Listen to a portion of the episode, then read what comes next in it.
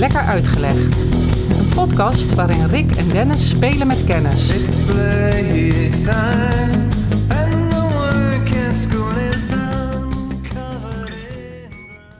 Ik kan zingen. Hmm. Zal ik toch doen? Wel ja. Vul je aan? Nou, dat lijkt me dan weer het slechtste idee tot nu toe. Oké. Als de lente komt, dan stuur ik jou. Tulpen uit Amsterdam. Ja, en geen bollen, hè? Tulpenbollen? Nee, geen tulpenbollen uit Amsterdam. Nee. Of eh, wat dacht je van koopcontracten uit eh, Amsterdam? Nou ja, dan moeten we een tijd terug, hè. Want, Gaan we eh, doen. Oké, in de tijd van de tulpenhandel. Daar is Amst- in Amsterdam eigenlijk het moderne beursgebeuren is begonnen. Nou, die zit meteen on the right track. All right, let's go. Oh, ja. En ik kwam er ook weer... Je hebt, net zoals jij altijd wel iets wat je interesse oproept. Mhm. Ehm, bij mij kwam het over... ehm, eigenlijk weer door eh, mijn omgeving. In dit geval mijn zoon ging het over geld. Ja. Geld. Eh, hij kreeg zakgeld. En, eh, maar hij kreeg nooit zakgeld. En daarmee bedoel ik... Ja, geen muntjes in zijn hand. Hij krijgt Ja. geen geld voor in zijn zak. Nee. Hij heeft een eigen rekening, hij heeft een pinpas. Jochie is, man, tegen die tijd, toen, toen ik er zo oud was als hij, had ik wel een spaarrekening, maar dan mooi dat ik er niet bij kon komen. nee. Dat stond op eh, de Bondspaarbank. Ja, joh, man, dat- werd nog met de hand bijgeschreven. Ja, dan had je nog zo'n boekje waar... Ja, ja, ja. Ja.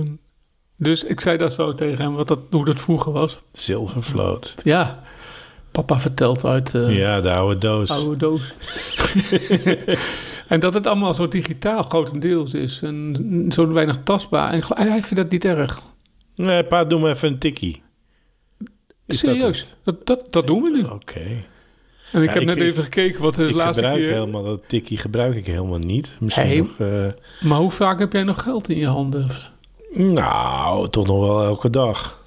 Echt munten Ja, en, en, en briefjes?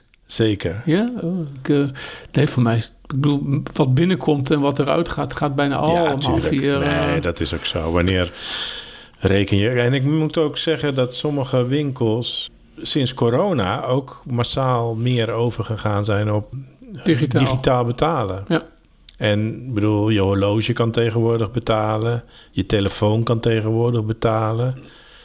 Eh, ik heb een chip in mijn voorhoofd. daar kan ik mee betalen. Je hebt ook voor overheidsstaat met je hoofd... iedere keer eh, een kopstoot aan de cashier. En dan heb Die heeft ook zo'n chip waar dan een Dan ontvangst... mag ik altijd weglopen met die boodschap. Ik weet niet. Eh, Dus bij mij zit hij in mijn voorhoofd, denk ik. Oké, dus je hebt een chip in je voorhoofd. Ja hoor. Silicon chip inside, eh, inside my head. Hè? Ja, ja, is geen spijker in je kop. Nee. Nee, dus eh, ik wou maar even zeggen, mijn, mijn, mijn wereld bestaat voor een groot deel ook uit betalen met telefoon en kaartjes. Dus, en ik wil met één ding specifiek gaan en dat gaat ook over, je noemde het al een beetje, ik zei futures en jij zei Mhm. tulpen. Ik wil het over termijncontracten gaan hebben. Oftewel, futures. Ja. En ik moet zeggen, ik wist daar helemaal niet zoveel van. Of tenminste, ik dacht dat ik er niet zoveel van, van, van wist. En het had deels te maken ook dat het een economisch onderwerp is. En dat... Boeit je niet zo. Ja, Principe kende je wel een beetje Een globaal? beetje, ja. En ik dacht, nou, dit wil ik ergens aan ophangen. Ja, Mag ik even een disclaimer eh, aan het begin doen? zeker. Dat de resultaten uit het nodig. verleden geen garantie geven voor de toekomst. Nee. Nee. Nee. Bij deze. Dat moet er even bij, want het gaat natuurlijk ook bij de reclames voor lenen hoor je dat ook altijd. zo, zulke opmerkingen. lenen kost geld. Geld lenen kost geld. Nou, ik ga jou geen geld lenen, ik hoef geen geld te lenen. Nee, nee ehm, termijncontracten, dat gaat het vandaag over. En wat het uiteindelijk is, is dat het niks meer is dan een financieel contract. Het is een papiertje. Pa- Ja, tussen twee partijen waarvan de ene zegt... ik lever jou op een bepaalde datum voor een bepaalde prijs iets. En de Ja. ander zegt, ik betaal dat op Ja. die datum. Ja. En nu we zo zitten met... Oh, dat was ook de tweede reden waarom ik hier... We we kregen het thuis ook over gas en, en licht en Ja. alle, alle... Actuele gespreksonderwerpen. Ja, eh, over hoe mensen vast contract hebben afgesloten. Van we worden... eh, ons wordt ga- eh, gas en eh, elektriciteit geleverd tot, tot, tot, over een jaar voor een bedrag dat wij... Overeen zijn gekomen. Ja, precies. Ja. En dat is volgens mij... Is dat anders dan futures? Nee, Of ja, dan zou je zeggen van een future is, is gelijk aan een contract. Nou, dat, volgens mij is het is een, term, een ander woord termijn, is termijncontract. Nou, Dus ja, dan, dan zijn we, dan ja. zijn we redelijk op hetzelfde paard. En het idee is vaak voor handelaren, voor ons niet. Hè? Wij willen er goedkoop van afkomen. Eh, handelaren ook wel. maar Die willen vaak iets kopen zoals olie. Ik ken, ik ken dit van de olie. Mhm. Dat als je nu zegt, ik wil over een half jaar of zes maanden... eh, zoveel ton of eh, barrels of waar je het Ruwe olie. ruwe olie kopen voor Ja. die prijs. Nou, Ja. dan spreek je er af. En dan jij maar hopen dat in die tijd de prijs duurder wordt. Stijgen, ja. Ja, de prijs hoger je weer. Dat is vaak ook wel met futures, dacht Ja. ik. Ja. En ehm, dan heb je ook nog iets als shorting. Dat begrip kende ik wel, maar ook niet goed. Dus ik dacht van, dan moet ik ook wel vragen hoe jij dat kent. Ken je Nou shorting, short selling? Is dat niet eh, eh, eh, op hele kleine staging en daling verkopen? Nee, als ik het goed heb. Ik hoor het wel weer als het niet zo is. Maar Ja. we horen niet zo heel vaak wat, dus meestal is het goed. Ja, dat denk ik wel. Dat ehm short selling is wanneer je nog niet in de bezit bent, bezit bent van het aandeel, maar dat je het leent. Dus je hebt nog niet gekocht, maar je leent het van degene die de goederen futures heeft, zoals een olie future. Ja, Ehm, je leent het van de eigenaar. wat leen je? Zo- Zo'n future, zo'n eh, zo'n eh, Papiertje? eh, papiertje, zo'n Ja. contract. Toekomstcontract, termijncontract. Die ga je verkopen aan iemand. Oh En ja. je koopt ze later terug met als idee dat als de prijs inmiddels, of de grondstofprijs gedaald is, eh, tussen het moment waarop jij het leent en wanneer het terugkomt, dat je ze goedkoper kunt terugkopen. Jeetje. Dus het verschil tussen Ja, ik snap het. verkocht hebben en weer terugkopen is dan jouw winst. En als dat Maar natuurlijk dat de is andere kant op. risico, enorm risico Dat is het ook. Maar dat is het, Ja, eh, Kijk, dat is het sowieso natuurlijk met die futures en dat speculeren. Maar hier bouw je eigenlijk een extra speculatie in je, in Ja. je overeenkomst. eh. en dat is short selling. waarschijnlijk omdat je onvoldoende middelen hebt om het direct Te over te nemen, Klopt. lijkt mij. Ja. Dus dan ben je al in eh, gevaar. Ik zou het niet doen. ik zou het ook niet doen. Maar, het is ook niet mijn ding. Nee, maar goed, het is ook... Kijk, vroeger was het... Ik geef even dat voorbeeld van die tulpen. Het, Gaan we zo op door, hè? Dus eh, we blijven in de tulpen. Nou ja, wat ik weet is dat het eh, op de beurs in Amsterdam begon het... Hè, de, de, de goederen die kwamen binnen en die gingen de pakhuizen in. En vroeger was het zo, voor de tijd van het handelen... met futures in dit geval... was het zo dat de goederen gingen van hand naar hand. Mhm. Dus kocht ik eh, een ton tulpenbollen, 1000 kilo... Dan moest er een kar worden verreden van de ene schuur naar de andere schuur. Ja. En stonden ze in mijn schuur en het bedrag was betaald, dan waren de tulpen van mij. Ja. Maar op het moment dat eh, die handel begon op de beurs, bleven die tulpenbollen in die pakhuizen liggen. En die konden wel tientallen, soms honderden keren van eigenaar wisselen. En ook opgedeeld worden in kleine stukjes. Dus het hoefde niet de hele partij. En die briefjes met eigendomsverklaringen eigenlijk. Dat was hetgene waarvoor betaald werd. En wat van hand tot hand ging. En En- voordat je nu verder gaat en het, eh, het hele verhaal uit de doeken doet, Mhm. maar je hebt al het, eh, het onderwerp van de dag eh, te pakken, Mhm. eigenlijk. Dus ja, Ja. Nou ja, maar goed. zullen we hier stoppen met het podcast? Nee, nee, nee. oh, je nee, wil nog meer weten? Nou, nee. nee, maar eh, d- dat maakt natuurlijk eh, dat er eh, risico in het spel Ja. kwam. Want op het moment, en dat is bij jou ook zo... ik zie dat je je portemonnee op tafel hebt liggen. Mhm. Nou, laten we zeggen dat er 50 euro in zit. Ik zal je laten zien wat erin zit. Er zit helemaal niks in. Nee. dus, ik, dus we moeten even... Dus enorm ons fantasie gebruiken dat daar 50 euro in zit. En jij, 50 maar, kom op. Nee, maar jij kijkt in mijn boekenkast en jij eh, zoekt 10 boeken uit voor 50 euro. Hm? Hè, dan eh, eh, geef ik jou die 10 boeken en jij legt die 50 euro bij mij op tafel neer. Dat is gewoon Kopen. dat is het klip en klaar. Ja. En, en er komt geen pijn bij kijken. Maar gaan wij met papiertjes werken en ik ga ze leveren, maar ondertussen komt er iemand anders in mijn boekenkast kijken en die wil diezelfde boeken wel voor het dubbele hebben, dan moet ik jou misschien weer gaan afkopen of ik moet neven kopen en nou ja, weet je, dat is ellendig. Dus eh, ik, ben, eh, ik ben daar huiverig voor. Over die ellende wil ik het vandaag hebben. Oké, nou, kom maar op. Weet niet zo heel... Ik meen dat jij meer van tulpen weet ergens. Nou, ik ben eh, vanaf mijn elfde leeftijd ongeveer... ben ik altijd eh, op de zaterdagen en in de vakanties... altijd in de tulpen aan het werk Ja. geweest. Dat was mijn bijbaantje, Ja, ja. precies. Maar je haalde je eh, bol- bollen uit de grond? Onder andere, alles? we deden bollen rapen, eh tulpenkoppen, bosjes maken, tulpenplanten, pellen. Eh, nou Ja, ja, ja. weet je, Trouwens, als jij tulpenkop zegt, dan denk ik aan kaaskoppen, tulpenkoppen, molenkoppen. Maar dus tulpenkoppen is wat anders. Weet je een wat werk- tulpenkop Ja, dat is de, de, ding kop eraf eraf halen, halen. ja. onthoofden, tulpen, tulpen onthoofden. Dat is een je chique woord. Nee, Ja. dus dat, eh, daar heb ik eh, menig uur Mee, mee, doorgebracht, mm. ja, met de tulpen. En dit, wat ik dan even uit wil zoeken is ook van hoe- hoeveel gaat daar dan in om? Zo in, de, in deze tijden? Weet jij dat of niet? Nou, ik heb het opgezocht even. ja, want ik, daar heb ik geen flauw idee. nee, ook niet. Maar ik uh, dat heb zal vast wel miljarden zijn. Het is inderdaad in de, in de miljarden. En het zijn eh, miljoenen stelen. Of wel, misschien ook wel miljarden stelen. Want volgens mij verdien je op één, één eh, tulp niet zo heel veel. Ik bedoel, één tulp is hoeveel?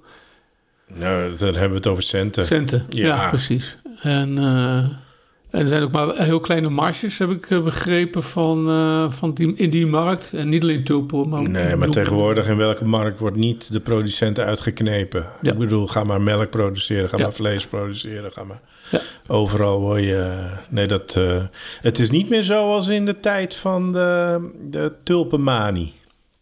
Het onderwerp van vandaag.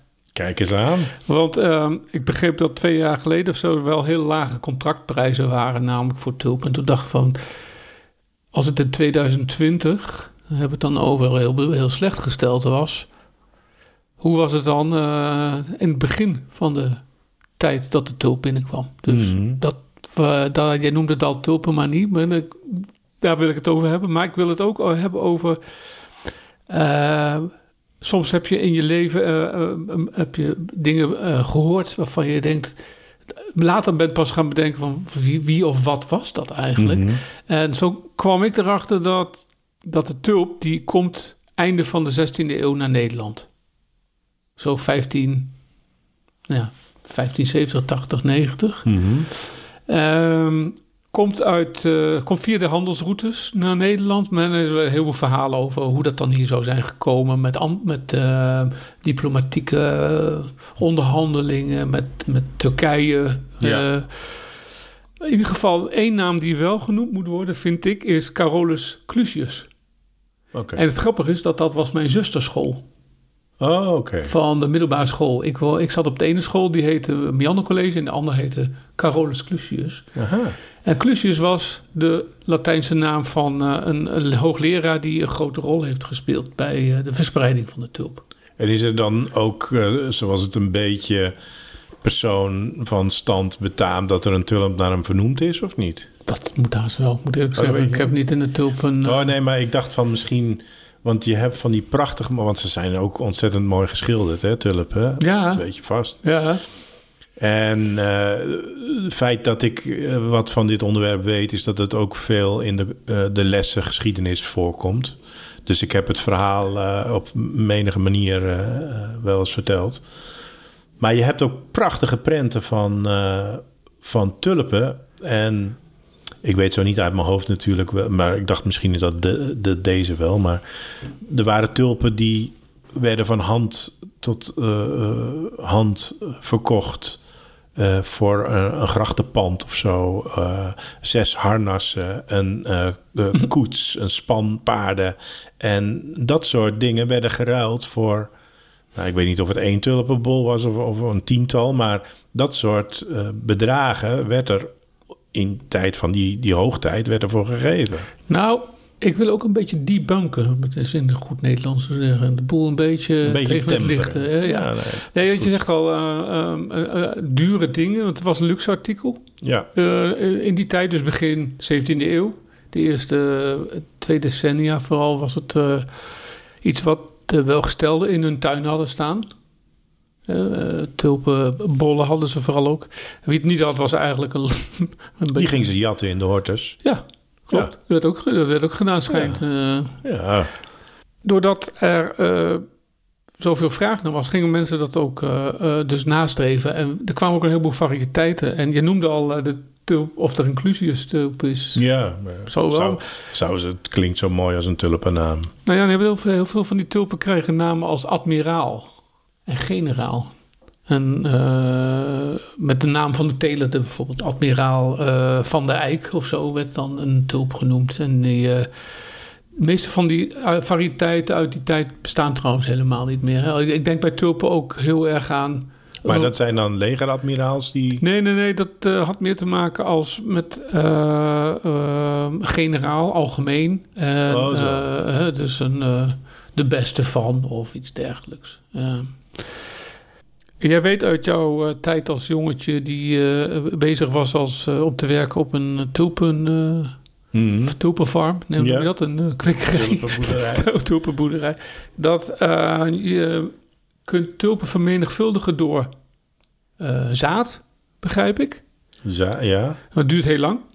Ja, nou, dus dat, die sport heb ik zelf Oh, nee, nooit oké. beoefend. Dus daar kan je me nog heel wat over vertellen. Nee, ik geloof dat zaad duurt een paar jaar, 7 tot 12 jaar la- lang, voordat zaad een eh, bloeiende Nieuwe- tulp wordt. Oké. Maar je kunt veel beter de vermeerdering in de bol Ja. eh, gebruiken. Want die gaat het jaar erop al, of kan het jaar erop al bloeien. Dus eh, Ja, en is dat dan zo? Want ik, bijvoorbeeld, er is een bed, zo noem je dat, een Mhm. bedje. Dat wordt dan eh, eh, gezaaid met tulpenbolletjes.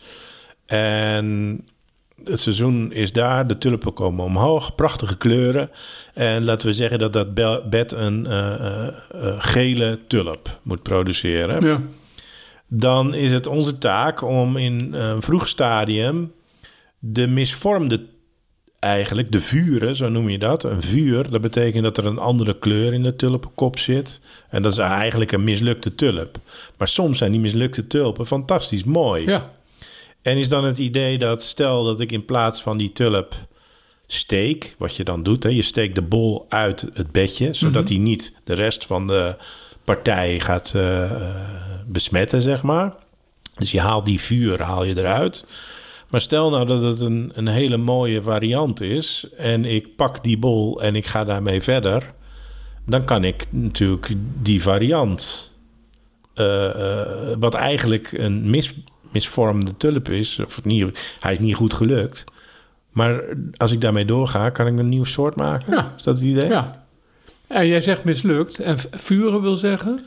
Nou ja, dat je bijvoorbeeld een gele eh, tulp zou het moeten zijn. Maar de, de randjes die, die zijn vuurrood Ja. bijvoorbeeld. Weet je wat dat- dat ontstaat? Nee. Nee. Ehm, en dat is een basis van wat men later de tulpenmanie is eh, gaan, worden, gaan Mhm. noemen. Die eh, veelkleurigheid, dus wat jij de vuren noemt, dat wordt veroorzaakt door een virus. Oh. Een mozaïekvirus. Aha. Ehm, waardoor ze dus een gestreept of een veelkleurig Maar kan je patroon daar dan, dan wel mee doorgaan? Want een virus klinkt als slecht en ziek. Nee, nee, nee, dat was destijds was dat juist eh, datgene waar on- zochten. dol op, ja, waar Ja. ze dol op waren. En eh, waar, we noemden het ook wel gebroken bol tulpen.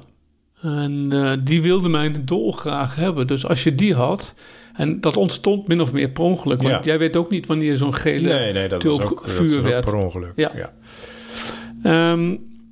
Er was er nog iets, en dat noemden we al een beetje. Bollen die bloeien, of tulpen bloeien maar een paar weken. Ja. Daarna sterven ze af. Ja. Eh, je weet dan eigenlijk niet meer dat er in de grond een bol zit als je, dat, hè, als je er voorbij zou lopen in eh, augustus. Als de stelen en alles verdwenen is niet. Nee. Nee. nee. Eh, bollen zitten vaak in het grond. eh, maar stel je voor, je wil er wel mee handelen. Dus dan krijg je, nou, jij noemde Ja, het dan al ga je even. speculeren met datgene wat er in de grond zit. Ja, en hoe doe je dat? Nou, aan de hand van eh, contracten. Ja. Ja. Dus in die tijd dat eh, de, de bollen eh, niet bloeien en ook niet verhandeld werden, en dat was vaak vanaf september, Mhm. dan gingen men in de zogenaamde spotmarkt De boer op. de boer op. Hè? Met dat, waarbij dus iets als bollen werden verhandeld en van eigenaar veranderden. En eh, die eh, de rest van de tijd werden met behulp van termijncontracten dus die bollen verhandeld. Wat jij ook al eh, noemde. Ja. Ehm, en het aantal kwekers nam dus toe in de jaren 20 en 30 van de 17e eeuw. Zo tussen 1620 en 16 Waarschijnlijk omdat het een lucratieve Het bezigheid lucratief, was. ja. ja, ja. Mensen gingen er meer voor betalen. En ehm, rond 1636 werd vooral ook zeldzame bollen, dus zeldzame kleurcombinaties. Ja. De prachtigste admiralen en generalen gingen heel veel geld opleveren. Nou ja, het is ook niet voor niks dat ze in de kunst verschijnen, want het wordt een statusobject. Ja, en nieuw hè? Ja, Het is, ja, hartst- en het is nieuw. het, is, het is nog Ja. maar een halve eeuw in Nederland. Ja. En eh, niet iedereen. Maar op dat moment komt het wel voor dat mensen toch wel buiten de gegoede klasse ook eh, tulpen kunnen eh, kopen. Nou, die handel in tulpen die ging niet op straat of zo of naar een handelaar. Nee, dat ging naar herbergen ook vooral. Daar, daar ging, kwam men samen. Ja, men eh, betaalde wat eh, zogenaamd wijngeld in het kroeg, zodat ook degene die de handel eh, Voltrok. voltrok, zeg maar de kopers en de verkopers, dat daar ook nog een beetje voor die persoon nog iets aan zat. en voor de kastelein, kastelein. Ja. die faciliteert dit natuurlijk allemaal. De bollen zelf, die bleven dus, wat je al zei, Ja. in een bakje ergens in een gebouw staan. Die ging helemaal niet van eigenaar veranderen. Alleen maar... ja, die gingen wel van eigenaar veranderen, Ja. maar die gingen niet van plek Ah, veranderen. niet van plek, Nee. juist in de, Nee. correct, helemaal juist. Ja. Nou, steeds meer, eh, steeds hogere prijzen. En in februari 7 1637 eh, stokte het. Men kon geen kopers meer vinden. De Eh, bubbel was gebarsten. ja, de, de vraag stortte in. Eerst in, ik meen in eh Haarlem. En daarna ook eh, in alle steden, zoals van Alkmaar en Amsterdam en naar het zuiden toe, eh, de Bollenstreek in. Ja, Eh, wilde niemand meer ze kopen. Wat als gevolg heeft dat ja heel veel mensen, mensen zaten inderdaad met, met bollen in hun maag. Ja, Niet ballen in hun maag, maar nee. Nou bollen ja. in je maag. Hoe weten we dit allemaal, dit verhaal? Nou, uit de bronnen. Ja, en één bron, en, nou, en nu maakt het verhaal toch wel enigszins slagzij, denk ik. Oké. Ja. Eén bron was eh, een boek uit 1637. Uit, eh, sorry, dat ging over 1637. Het boek is uit 1841 en dat heet The Extraordinary Popular Delusions and the Madness of Crowds. Mhm. Engels boek van de Schot eh, Charles Mackay. Ja, En die is op dat verhaal ingegaan. Hoe komt het dat die prijsdalingen er was en dat die investeerders geruineerd was en dat de Nederlandse economie een enorme schok kreeg te verduren? Dat schreef hij ja. in zijn boek. Het is ook een klassieker, dat boek. Ik ken de, de titel. En Ik heb het ehm, ik heb niet helemaal gelezen. Het is dan toch in een soort taal die me niet helemaal... Nee, moeilijk door te komen. Ja, vond ik wel. Maar ehm, het verhaal wordt betwist. Ja, dat er een tulpenmanie überhaupt Ja. geweest is. Ja. En Ja, waarom? Dat, dat ken ik. Ja, Ja. nou ja, men, eh, ten eerste zijn er niet voldoende prijsgegevens Nee. beschikbaar. Alles werd gedaan in herbergen. Hè? En, Ja. en er zijn wel contracten, maar daar ook voor heel veel is daar niet van eh, bewaard gebleven. En ik heb een aantal boeken gelezen eh, over, want dat vind ik dan wel weer leuk, van waarom heeft een wetenschapper nou besloten dat dat boek van McKay eigenlijk onzin was. Nou, je hebt eh, een paar boeken die heten allemaal Tulipmania of Tulipomania of iets met manie en tulp. Mhm. En een daarvan is eh Anne Goldgar, die heeft gezegd van ja, als ik het wetenschappelijk ga bekijken, dat heeft zij dus gedaan, dan zijn de, eh, het aantal mensen dat meedeed aan die koop en verkoop was heel beperkt, kleine Ja, groep. Ja. En de, de rekeningen uit die tijd, zegt ze, die zijn gebaseerd op eh, een soort van propagandastukken, ehm, plagiaat, allemaal dingen die allemaal maar heel weinig voorkwamen. Iedereen zat elkaar na te doen eigenlijk, eh, waardoor ik het idee kreeg van er zijn heel veel contracten. Mhm. En was- die waren er niet. die waren, die maar waren dan, er. dan is het meer windhandel geweest. Nou, dat zelfs dat is de vraag. Eh Goldgar zegt ook, de, er is in niet één Nederlands archief een, voorbeeld van een geruïneerde tulpenhandelaar uit die tijd. Ja, die eraan onderdoor gegaan Ja. is. En er zijn wat eh, Duitse pamfletten, satirische pamfletten. Waarschijnlijk heeft McKay zich daarop gebaseerd. En natuurlijk n- ook een link naar het heden. Hoe vaak gaan mensen ook niet mee met een een of ander satirisch verhaal waarvan Nou ja, maar goed, een onderzoeker die ziet dat ook als bron. Hè? Dus die, dat, dat ga je ook beoordelen, denk ik, als je onderzoek doet naar het verleden. Ik denk het wel, Ja. ja. ja. En zij zegt ook, weet je, jij zei windhandel. Is Mhm. hetzelfde woord als zeepbel? Wat ja, ja, betreft? ja, ja, Zij zegt, de gevolgen daarvan waren maar heel beperkt. Coldcar zegt dat. Ja, Ehm, dus hoewel de prijzen wel, eh, wel, wel waren gestegen... zijn er nooit echt veel winsten gerealiseerd. Het lastige in het verhaal is natuurlijk dat jij begint met er zijn heel weinig bronnen die eigenlijk eh, de daadwerkelijk betaalde prijzen weergeeft. Dat zegt de Goldcar, ja. Ja, nou, daar ga ik er wel even vanuit dat hij dat heeft onderzocht en tot die conclusie komt.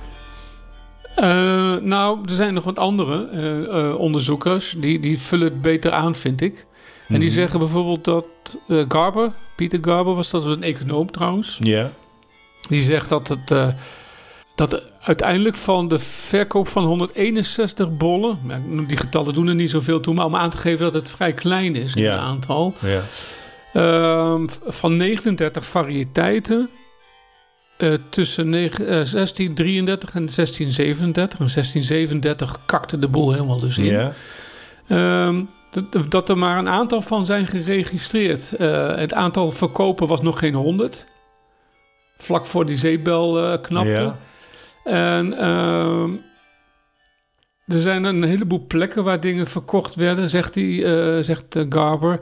Dus hoe je nou daar de conclusie uit moet kunnen, kunnen trekken dat er sprake was van een manie of van een zeepbel. Hij zegt, het is gewoon zo'n verhaal wat allemaal door allerlei ja. facetten eh, eigenlijk wordt ontkracht, zeg Ja. hij. En die individu die, zeg maar even, hè, die ene bol voor eh, een, een grachtpand, eh, twee span paarden en drie harnassen heeft aangeschaft. Dat is eigenlijk een uitzondering. Dat Ja. is misschien per definitie niet een tulpenhandelaar, maar dat is gewoon een rijke stinker die een Lamborghini wil hebben. Ja, of zo. precies. Ja. En daar de, de sier mee Ja. maakt. Maar zo'n verhaal doet het natuurlijk heel goed, hè? Tuurlijk, en dat blijft hangen. Dat blijft en, hangen. En dat is eh, symbool geworden natuurlijk voor die hele tulpenmanie. Jij noemt het een manie, ik noem het een manie. Maar het is hetzelfde. Eh, potato, potato, is dat het? Overigens, er is later, in het begin van de 19e eeuw, nog weer een bloem geweest die dezelfde soort, Hype. ja, de hyacint. Oké, Die, eh, Mrs. Bouquet. ja, precies.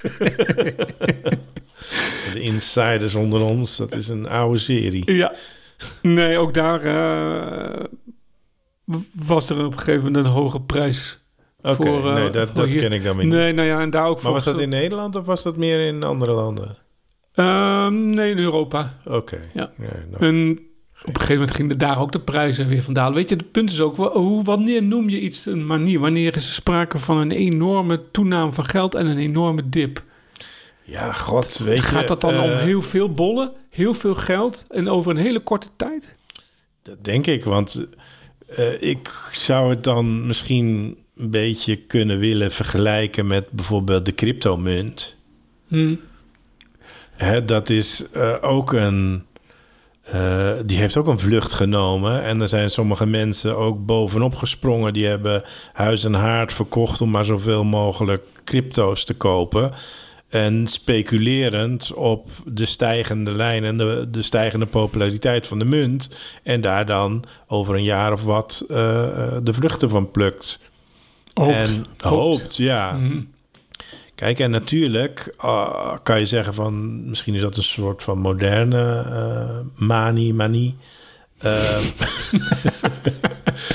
maar, en kijk, ik, ik sprak laatst iemand die had, geïnvesteerd, die had ook geïnvesteerd in crypto's. Bitcoins. Ja, die had zich in, in laten lullen. En die had voor een bedrag van een nou, laten we zeggen, een goede tweedehands auto. eh, eh, geïnvesteerd in crypto's.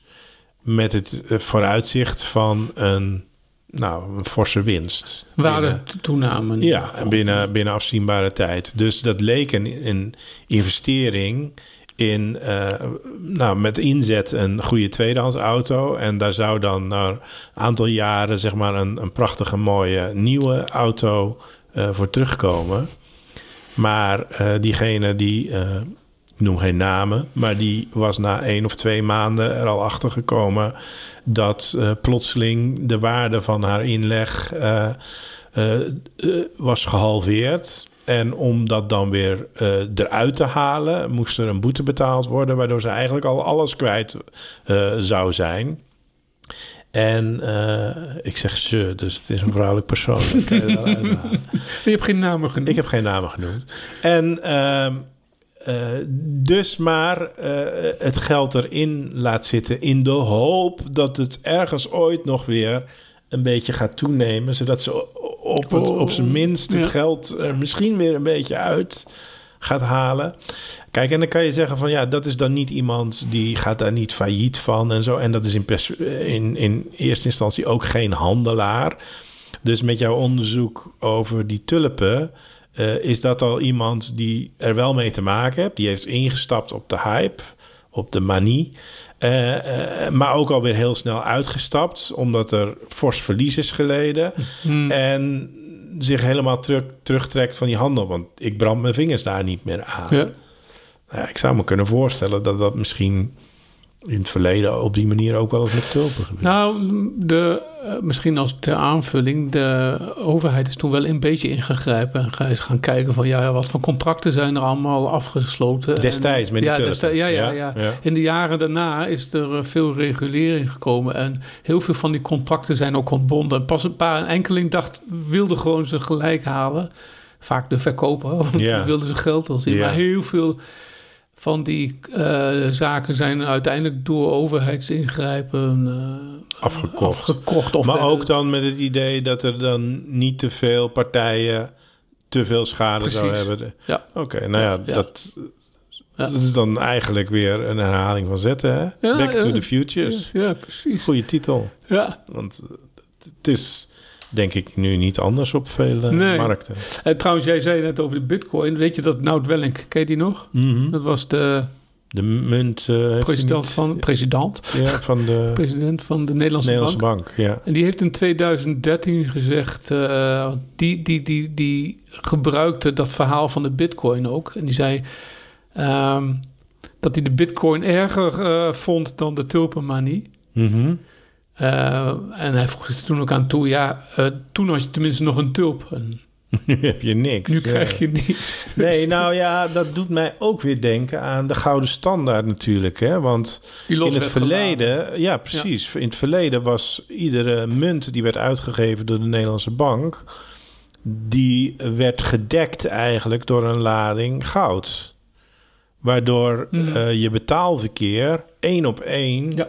Eh, waarde vertegenwoordigt. Ja. Nou, ik weet niet wanneer dat in het verleden losgelaten is, maar daar ga je eigenlijk natuurlijk al speculeren volgens mij. Op het moment dat je eh, de waarde loslaat, eh, de, de combi goud en munten, Mhm. dan blijft er over vertrouwen. Dat is de basis Dat is de basis voor een economie. economie. Ja. En op het moment dat het vertrouwen weg is, hè, en dat zie je in de huizenmarkt, dat zie je in de bitcoins, en Mm. dat zag je dan misschien vroeger in de, in de tulpen. Maar dan eh, bevind je je op glad ijs. Dat doe je dan ook. Ja. Ja, klopt. Ja. Nou ja, dat is dus een beetje het verhaal. Eh, ik, ik, ik zei al een beetje, de, een van de dingen die eh Goldcar en anderen hebben uitgevonden... is toch ook wel dat er eigenlijk nauwelijks gesproken was van een goed geregistreerde prijsgegevens uit die jaren. Ja. En ehm, dat, dat eigenlijk het meeste van die gegevens voortkomt uit een eh, ja, anti-speculatieve en sterk religieuze pamfletten die geschreven zijn. de- en die heten eh Gaargoed, Gaargoed. Gaargoed en Warmond. Nou, je klinkt al erg. Warmond ligt hier in de buurt. Ja, ja, die, eh, die zijn na de zeebel geschreven en die zijn eh, ehm, voor veel mensen de bron geweest van hun onderzoek. Ja, dan je gaat op pamfletten. Ja, wel- pamflet is ge- gekleurd natuurlijk altijd. Behoorlijk, ja. Ja. En men denkt ook dat, de, eh, dat veel mensen gingen in spe- speculeren, ook gewone mensen destijds, dat, omdat de builenpest rondwaarde in eh, deze, deze contraien in westelijk Nederland. Een soort van... nee, ik, ga, ik ga toch dood. Ja, ja. Maar beter geld voor goed... eh, Alles op rood. alles. ja, inderdaad. Ja, ja, goed. Dus, ah, deze weet ik nog wel even, want ik, we hadden al een film eh, referentie met Back to the Future. Ik Ja, wil- ik wil, die sloeg helemaal nergens op. nee, die maar staat, nee, maar ik heb erin, die slaat Wel ergens op. ergens op. De film Trading Places. Dat is met, met Eddie Murphy. Ja. En ehm, Dan Aykroyd. Oké, ja, zeg maar verder niks meer, maar... Ah, ik raad hem aan. Als je met kerst niks te doen hebt, dan is het echt zo'n kerst-nieuwjaarsfilm. Ja, dan komt hij vast wel ergens op Oh, RTL ja. 17. Eh, op een van de zenders wel. Ja.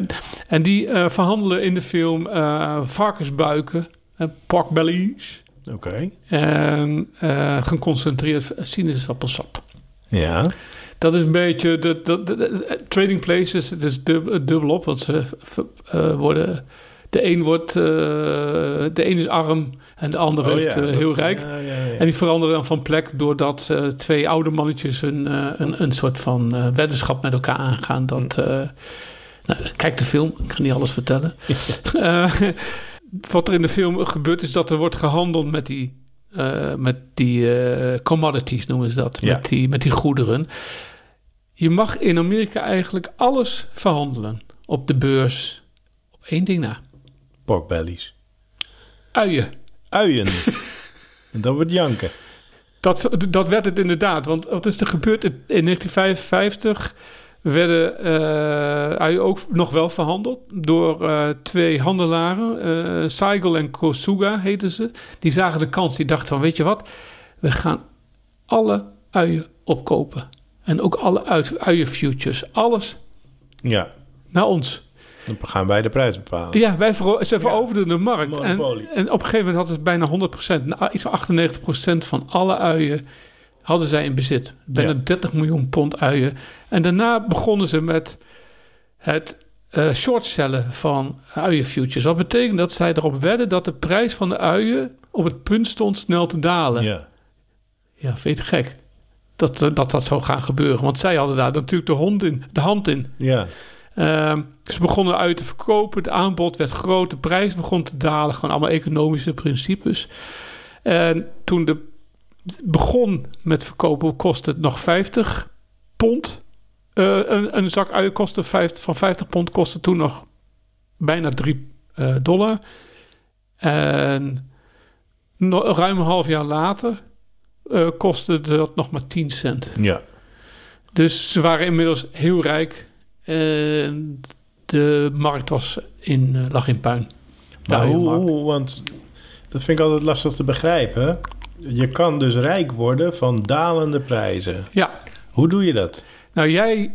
eh, dan moet ik het zelf ook even goed zeggen. Want Ja, het, zeg het, het zit namelijk, goed. het zit namelijk ook in de film. Trading Places. Op het eind doen eh, Dan Aykroyd en eh, eh, Eddie Murphy doen hetzelfde. Die weten namelijk, die hebben voorkennis. Net zoals Mhm. deze twee. Die, Die, uien- tuurlijk, want die zijn alleen eh, de monopolist. Ja. Ehm, die begonnen dus een opgeslagen uien te verkopen. Ja. Zij hadden alles. ja. Die overvloed aan aanbod, want dat bepaalde zij, Ja. zorgde ervoor dat de prijs omlaag ging. Ja.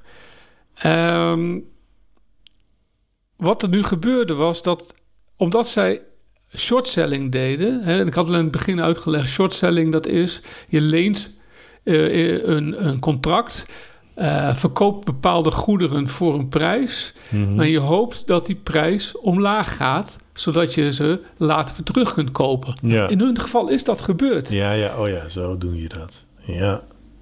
Ja, het Ja. is niet een makkelijk begrip. Ik weet ook wel. Nee, eh, nee, dat is het zeker niet. Maar dat is natuurlijk wel...